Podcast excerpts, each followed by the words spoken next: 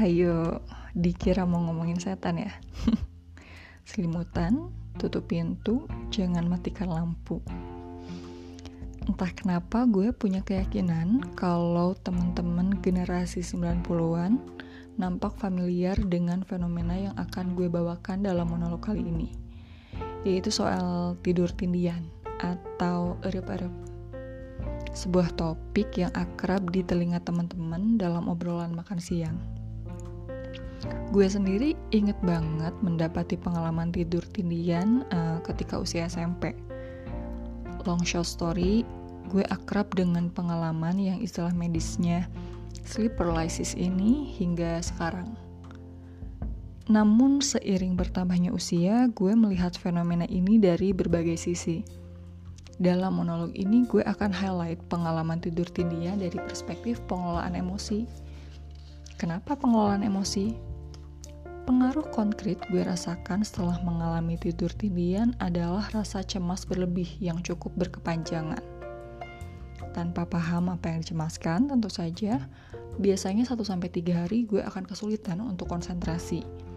Rasa deg-degan gak karuan pasca tidur tindian itu biasanya diikuti memori menakutkan yang melintas berhari-hari.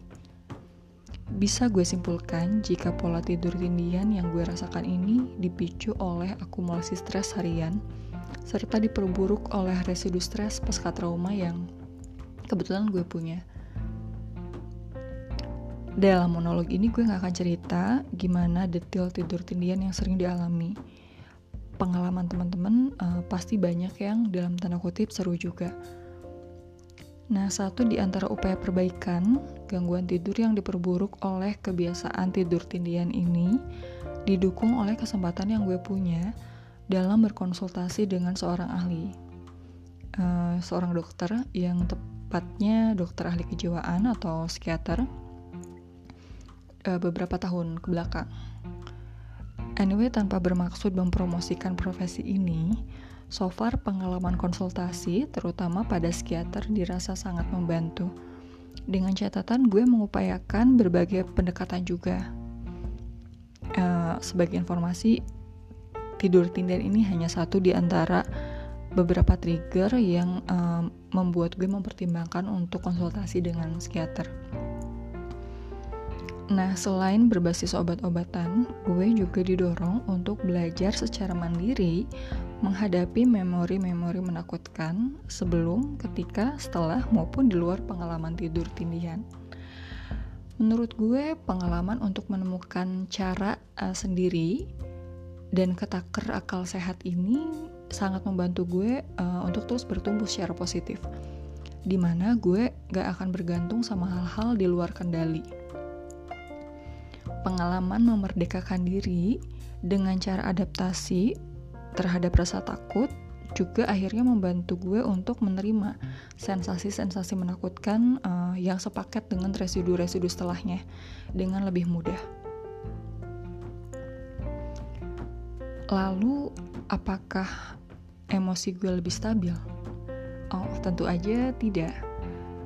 Tapi, pengelolaan kecemasan dalam menghadapi fenomena ini juga mengajarkan gue untuk beradaptasi dengan kecemasan uh, pada unsur-unsur unsur-unsur lain dalam hidup seperti relasi dan pekerjaan.